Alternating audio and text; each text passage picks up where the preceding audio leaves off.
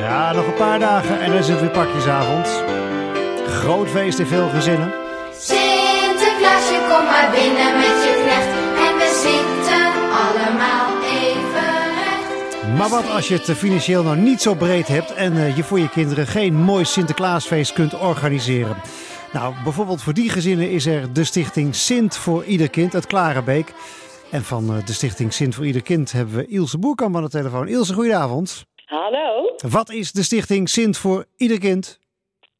Eh, de stichting is een eh, stichting die daadwerkelijk een pakjesavond verzorgt voor kinderen waar normaal gesproken Sinterklaas op 5 december de deur overslaat.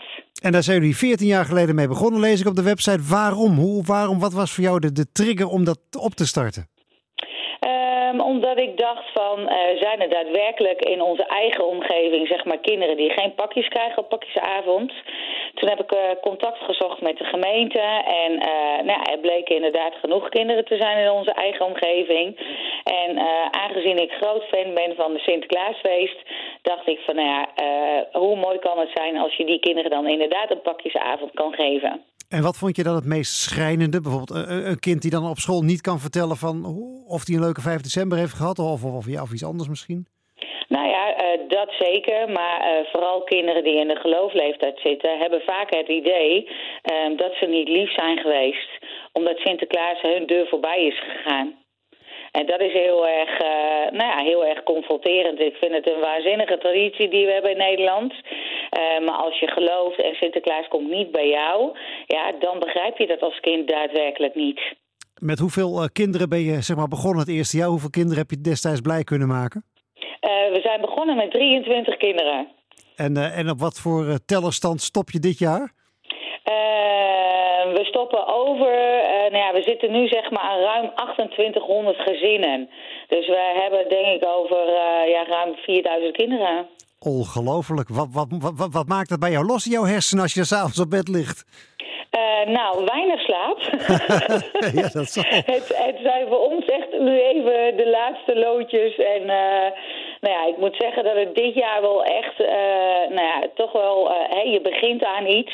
Hè, omdat je, en dan zie je daadwerkelijk dat je bij de gezinnen thuis komt, eh, hè, wat ook de thuissituatie is. En dat zorgt er eigenlijk voor dat je begint en dat je eigenlijk moreel gezien ook niet meer kan stoppen. Ehm, hè, want kinderen hebben echt daadwerkelijk niks. Eh, krijgen nooit eigenlijk wat nieuws. Ehm, zelfs niet met een verjaardag of wat dan ook.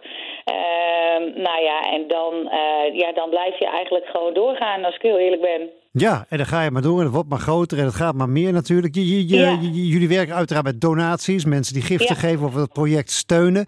Ja. Eh, hoe, hoe- hoeveel geef je een kind? Een hele zak vol? Is het één cadeautje? Hoe moet ik dat zien?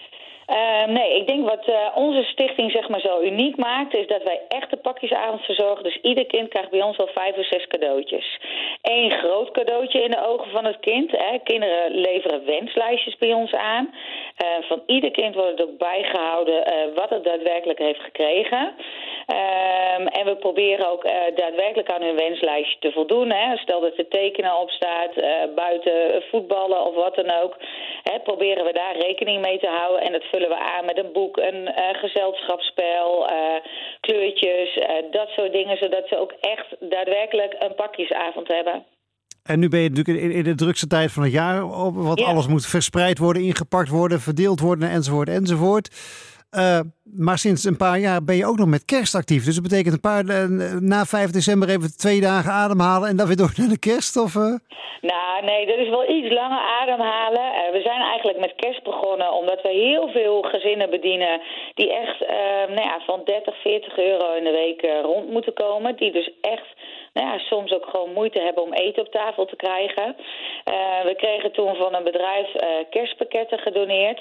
En toen hadden we zoiets van, nou ja, die gaan we aan de allerarmsten geven. Eh, dus inmiddels eh, is dat ook alweer een aantal jaren een beetje uitgegroeid. dat eh, mensen boodschappen komen brengen. eh, dat we overgebleven kerstpakketten krijgen. Maar ook kerstpakketten die mensen gewoon doneren. Uit zichzelf, zeg maar, aan onze stichting. Ehm, en daar proberen we zoveel mogelijk pakketten van te maken. En dan gaan we bij de allerarmsten inderdaad nog een kerstronde doen. Geweldig. Het is eh, waanzinnig in positieve zin uit de hand gelopen. Duizenden pakketten en pakjes Ja. gaan de deur uit dankzij jullie. Fantastisch dat jullie dat, jullie dat doen. www.stichting Als je daar gaat kijken kun je alle informatie vinden. Kun je kijken hoe je ze kunt steunen of anderszins.